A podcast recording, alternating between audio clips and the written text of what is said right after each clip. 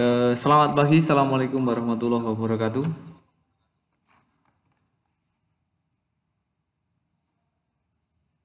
Eh, sebelum kita mulai, silahkan salah satu di pipi dua, mungkin Mas Arkan bisa menyiapkan doa sebelum kita mulai pembelajarannya. Wis, wis, rapopo. Yuk. Yo, ya, dipimpin doa. Siapkan di tempat doa mulai. Yuk.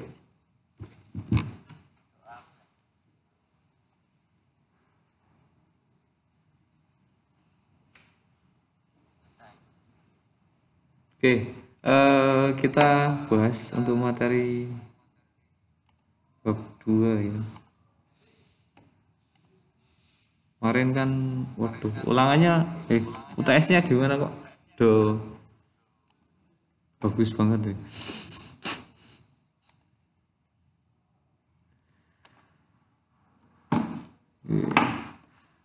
Eh, sebenarnya materi di bab 2 itu Oke, si ono koncone yang mlebu yo, sabar. Oh. Selfie, oh ya. Ya, materi sambil diperhatikan ya. Kita ngulang di kelas 2 sebenarnya. Sudah kemarin sudah disinggung. Berapa ini pengembangannya lagi di eh, kelas 9. Ya, jadi silakan sambil didengarkan. Ya yang penting jangan ditinggal tidur ya.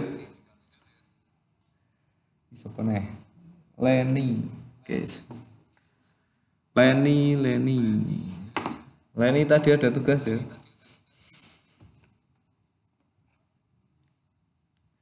Oke uh, pembukaan Undang-Undang Dasar Negara Republik Indonesia.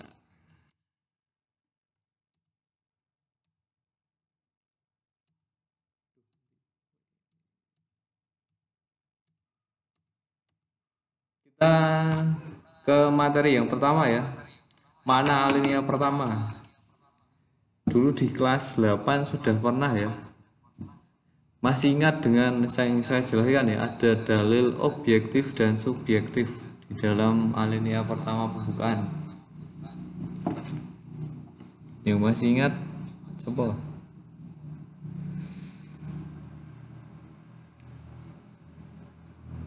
Mbak Afni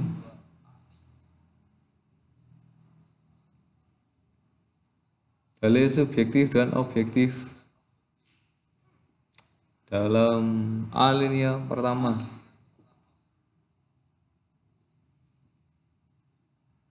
Masih ingat objektif dan subjektif apa? Atau mbak selfie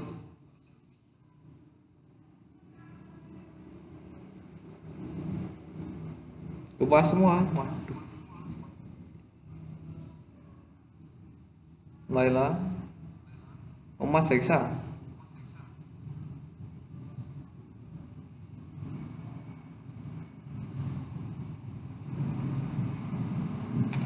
Oke.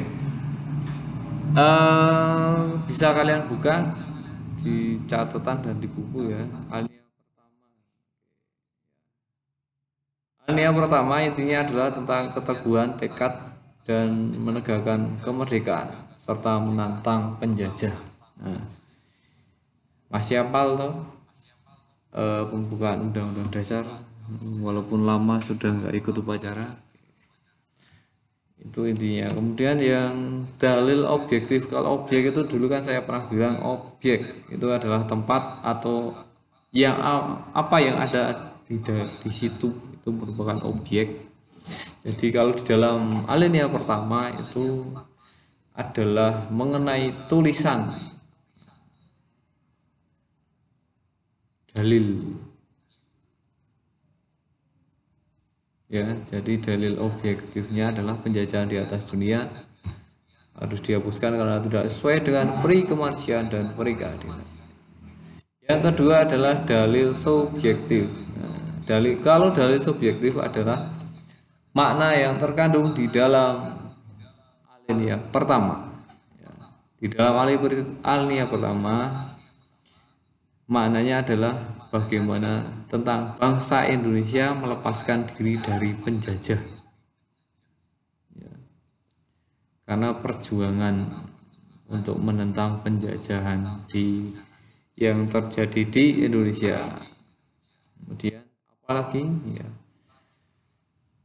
di alinea pertama juga erat kaitannya dengan hubungan dan kerjasama dengan negara lain, ya, terutama an, e, keseimbangan antara hak dan kewajiban semua tiap negara itu sama. Jadi untuk mendapatkan kemerdekaan ya, dari perang Indonesia di dalam dunia internasional itu penting.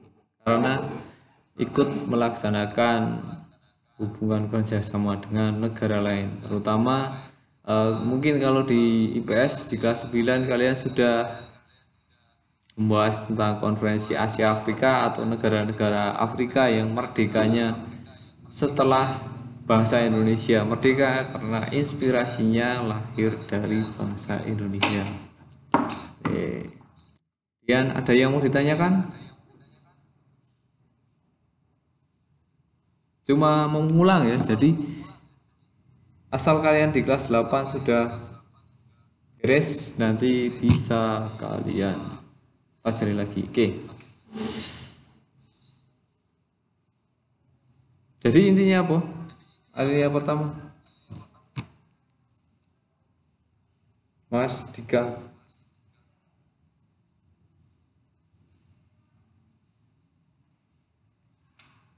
Oke. Kalau nggak ada yang jawab nanti berarti dikasih tugas di belakang. Yang kedua, alinea kedua. Ya masih ingat alinea kedua berisi tentang apa?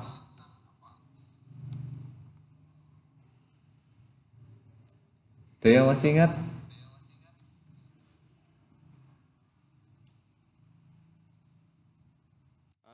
Oke. Uh, di dalam alinea kedua nanti ada beberapa hubungan ya kaitannya dengan bagaimana ketepatan dan ketajaman bahasa Indonesia ini materi sama dengan yang di kelas 8. Jadi kalau sampai lupa ya kebangetan. Yang pertama perjuangan bahasa Indonesia mencapai tingkat yang menentukan ya. Artinya apa? Bangsa Indonesia menentukan bagaimana nasibnya sendiri ya, nasib bangsanya sendiri untuk lepas dari penjajahan. Kemudian yang kedua, momentum. Nah, momen itu biasanya hubungannya dengan waktu. Kalau waktu ya jadi bagaimana waktu yang tepat yang saat itu e, dirasakan bangsa Indonesia. Nah, jadi momen bahasa Inggris momen kejadian atau waktu ya harus dimanfaatkan untuk menyatakan kemerdekaan ya jadi momentum untuk e, menyatakan kemerdekaan dimanfaatkan ketika bangsa Jepang saat itu kalah ya. masih ingat materi di kelas 7 dulu atau di SD dulu ya ada yang mau ditanyakan dulu sampai sini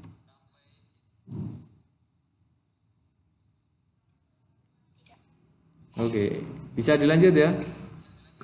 Oke. Yang ketiga, kemerdekaan harus diisi dengan mewujudkan negara Indonesia yang merdeka, bersatu, berdaulat, adil dan makmur. Oke, masih ingat di kelas 8. Nah, merdeka, bersatu, berdaulat, adil dan makmur. Apa itu?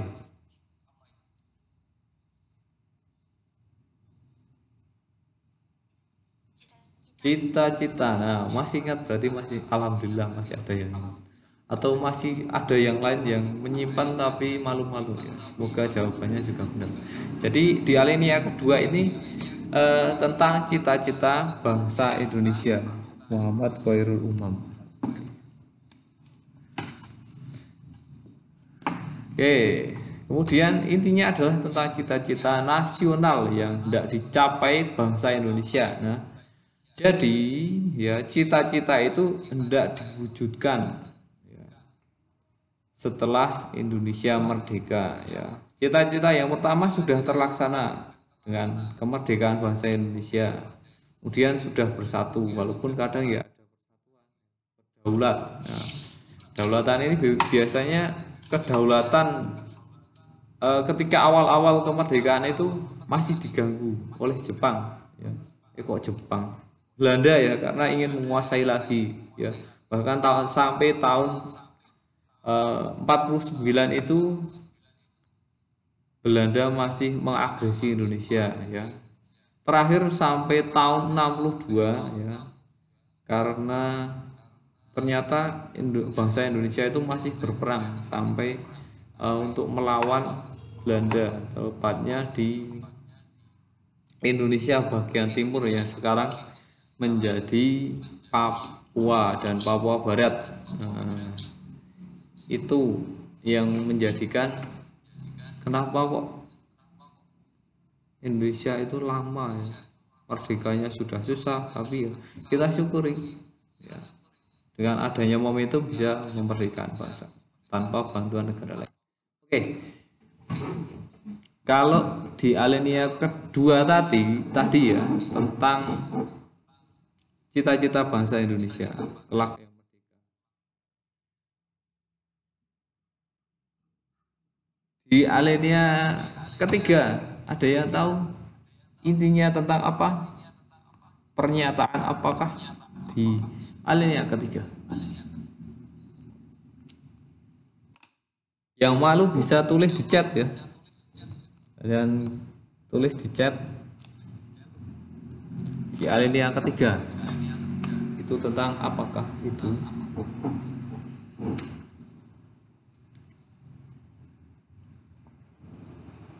Dengan ini bangsa Indonesia menyatakan kemerdekaannya.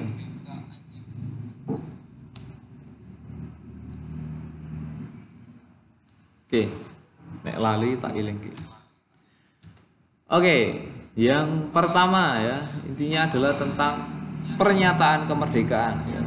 Ya. Di dalam pernyataan kemerdekaan ya yang pertama memuat motivasi spiritual. Ya. karena apa? Kemerdekaan yang dicapai oleh bangsa Indonesia itu tidak lepas dari campur tangan Tuhan.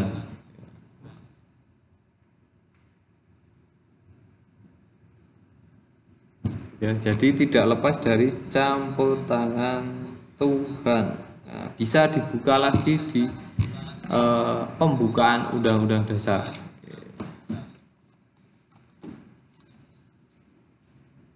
Mungkin mikrofonnya bisa dimatikan dulu. Nanti kalau ada yang mau tanya bisa langsung dinyalakan. Itu ya.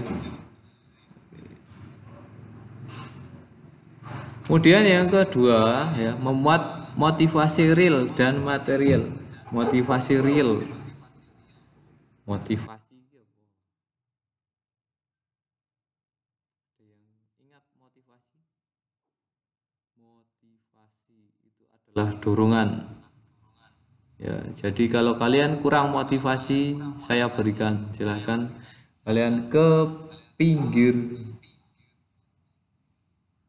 Pinggir jalan nanti saya dorong. Itu saya kasih motivasi. Biar ke tengah ya kemudian motivasi material berarti isinya isinya bangsa Indonesia itu memuat kemerdekaan yaitu keinginan luhur supaya berkehidupan yang bebas berarti isinya dari kemerdekaan itu adalah mengungkapkan bagaimana kemerdekaan bangsa Indonesia itu dilaksanakan. Kemudian yang ketiga, mempertegas pengakuan dan kepercayaan bangsa Indonesia terhadap Tuhan yang Maha Esa. Nah, ini di alinea ketiga. Oke. Kemudian alinea keempat. Nah, di alinea keempat ini adalah yang sangat penting ya, sangat penting kaitannya dengan kehidupan bernegara di Indonesia. Apa saja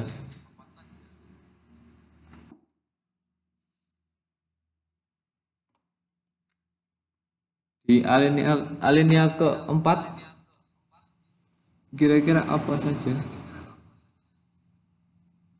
satu yuk yuk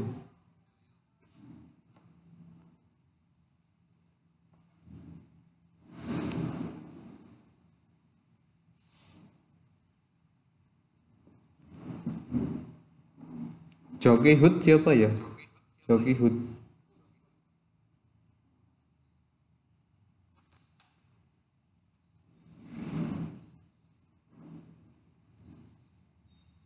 Joki Hood siapa ya? Halo. Ini Jackie Hood. Bisa dinyalakan? Siapa? Oh iya iya iya. Halo, Mas Iksan. Ben ketok. Oh, enak ya, Le. Oke. Nah, silakan sambil sarapan, sambil apa saja boleh ya. Yang penting jangan sambil tidur. Oke, kita lanjutkan ya. Di alinea keempat. Apa saja yang dimuat dulu? Kata ini sih.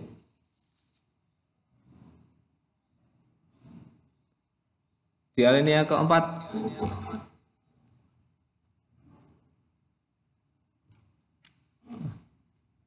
Alinea keempat ada yang tahu? Ingat, dibuka dulu pembukaan UUD-nya. Alinea keempat.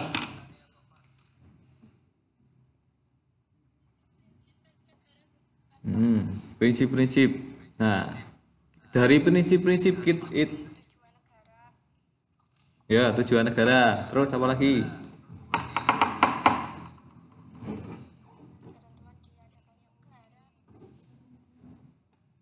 Ketentuan diadakannya UUD.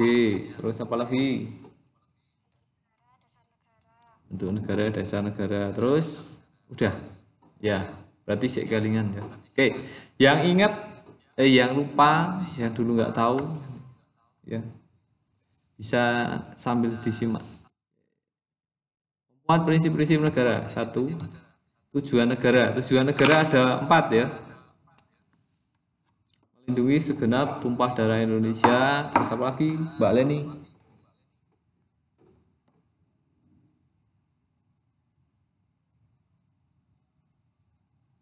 Ora nyambung. Mbak Zahra. Tujuan negara. Oh,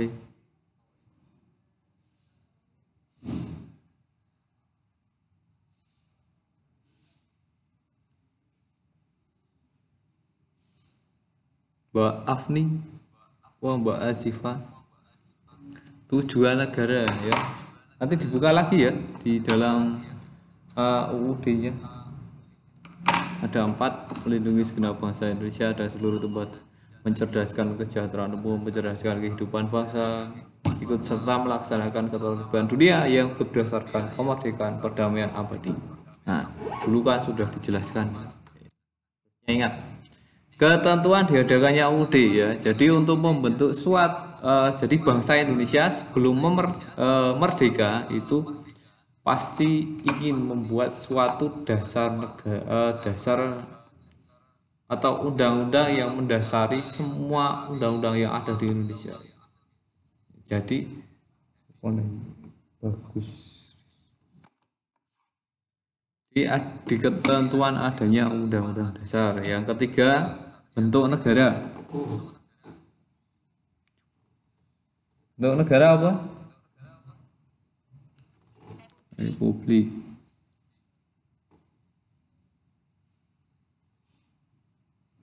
Jadi bentuk negara republik itu ada di pembukaan UUD ya. Jadi kalian buka di bawah. Sebelum undang-undang. Eh sebelum dasar negara kok sebelum undang-undang bentuk republik yang berkedaulatan rakyat. Nah, kalau artinya gini, kalau berkedaulatan rakyat berarti kekuasaan tertinggi itu ada di tangan siapa? Oh, rakyat. Pelaksanaannya di siapa? Siapa yang melaksanakan?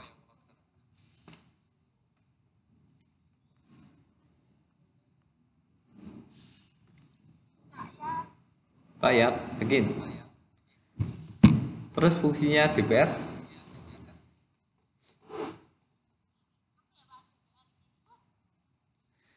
Iya kan melalui badan-badan perwakilan toh. Ya berarti melalui DPR tadi di kedaulatan rakyatnya.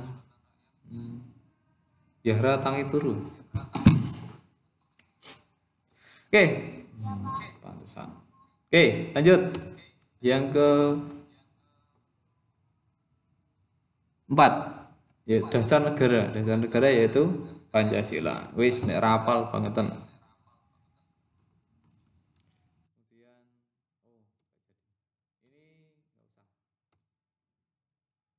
Ke pokok pikiran ya. Pokok pikiran di kelas 8 udah pernah belum? Kayak wis ya. Oke. Yang pertama ini ditulis belum ya? Sudah ditulis belum ya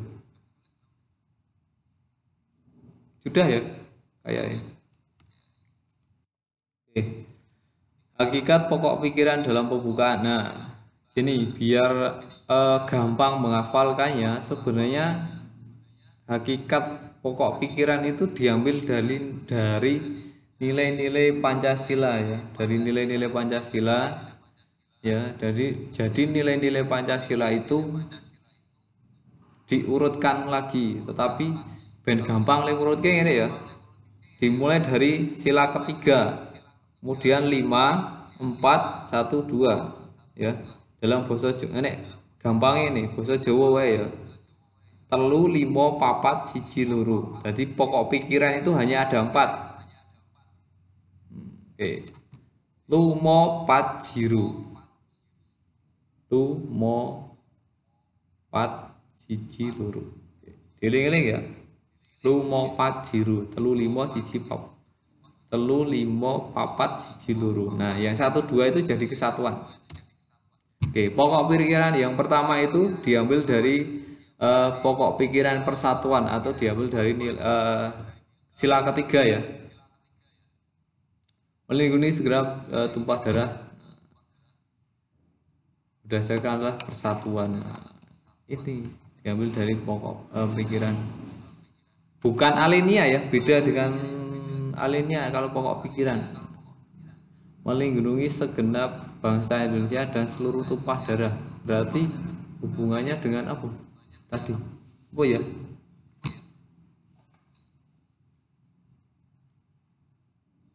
Tuh. Ada yang tahu yang lain? Di alinea keempat kalau pokok pikiran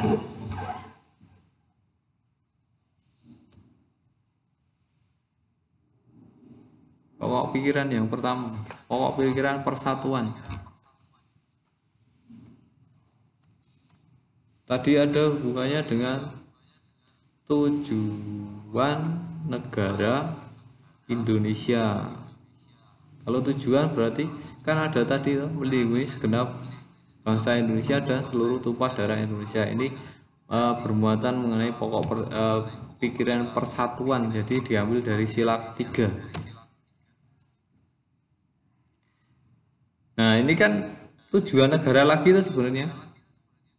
Nah pokok pikiran kedua atau dalam sila Pancasila itu diambil sila kelima ya. Hendak mewujudkan keadilan sosial bagi seluruh rakyat Indonesia adalah pokok pikiran keadilan sosial.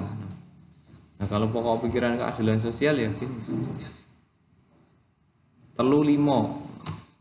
Kemudian pokok pikiran yang ketiga adalah negara yang berdaulat rakyat berdasarkan atas kerakyatan dan pemusyawaratan atau perwakilan nah ini adalah pokok pikiran yang ketiga. Ya, pokok pikiran ketiga itu diambil dari makna sila keempat. Ya, jadi sila keempat itu maknanya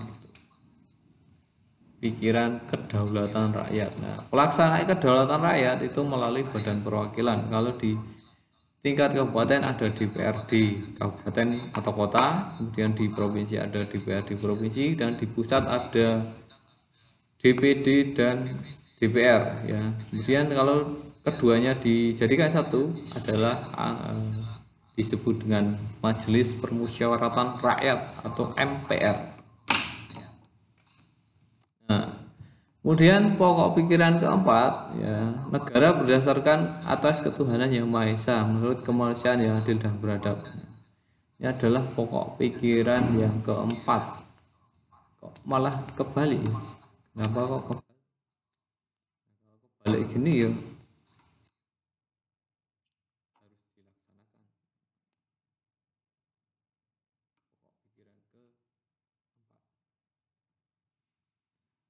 Ketuhanan yang Maha Esa dan menurut kemanusiaan yang adil dan beradab. Ya, jadi bertuhan itu ya harus uh, istilahnya kalau dalam Islam kan ada habluminallah tapi juga harus seimbang habluminanasnya. Itu sebenarnya bahasa Indonesia itu konsep uh, bertuhan itu juga harus memanusiakan manusia, menjunjung hak-hak manusia yang lainnya tanpa memandang suku agama ras ataupun golongannya. Nah, ini biar gampang ya. Bisa disingkat lumo pajiru telu limo papat cici luru dalam sila-sila Pancasila. Ada yang mau bertanya?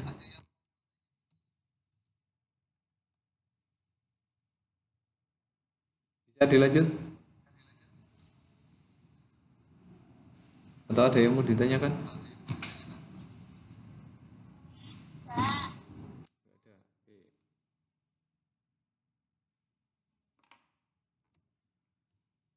Kemudian pokok pikiran pembukaan arti pentingnya. Ya. Satu, keempat pokok pikiran pembukaan undang-undang adalah adalah pancaran dari nilai-nilai Pancasila. Nah, jadi makna yang terdalam di dalam pokok pikiran itu adalah sumbernya dari nilai-nilai Nah, kemudian sebelum amandemen ya, Pokok pikiran itu meliputi satu suasana kebatinan. Nah, berarti suasana di dalam kebatinan itu e, jiwa bahasa Indonesia itu seperti apa. Kemudian untuk mewujudkan cita-cita hukum atau reh side reh ID ya. Ini bahasa Jerman ya kalau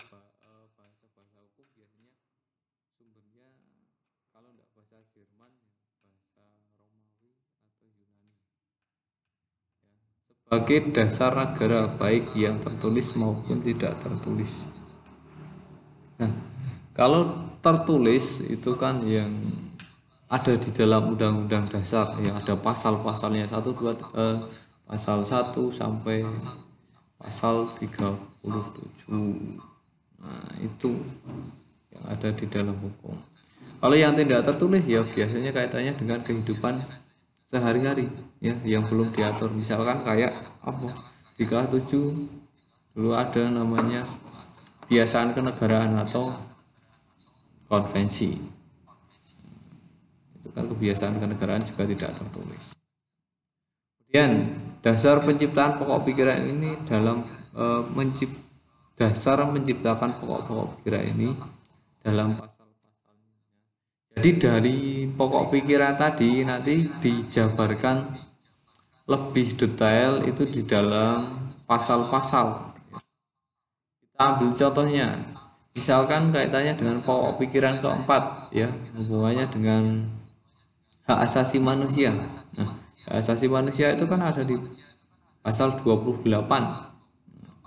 Pasal 28A sampai J itu kan semua hak-hak manusia yang ada di Indonesia diatur di situ. Kemudian yang ketiga, pokok pikiran yang terkandung dalam pembukaan undang-undang adalah sumber hukum tertinggi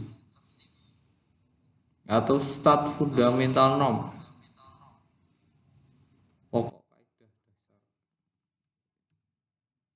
Konsekuensinya apa? Dari pembukaan sebagai pokok pikiran harus dijabarkan semua dalam peraturan perundang-undangan yang berlaku. Ya. Jadi ada konsekuensinya kalau di kelas 8 dulu kalian kan sudah mempelajari mengenai tata urutan. Nah, dari pokok pikiran itu diwujudkan dalam undang-undang sampai bahkan perda peraturan daerah itu ya harus memuat dari pokok-pokok pikiran lalu konvensi apa konvensi tadi sudah saya jelaskan ya. Eh ini kan sampai jamnya sampai 9.45 ya. Nanti silahkan kalian screenshot yang ini ya. Kalian screenshot. Kalian screenshot kemudian kalian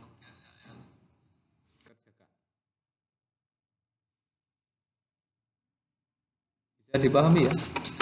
Boleh kerjakannya setelah pembelajaran tidak apa-apa. Yang penting hari ini kalian kerjakan. Itu aja ya. Ada yang mau ditanyakan lagi? Belum kita akhiri. Ya. silakan di screenshot. Eh, yang ada di layar. Kalian landscape dulu alamatnya itu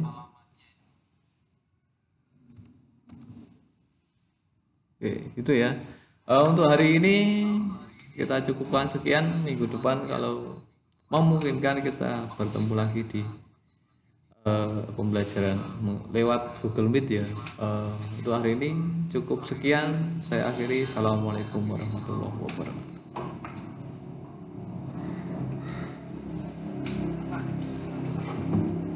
Jangan lupa dikerjakan.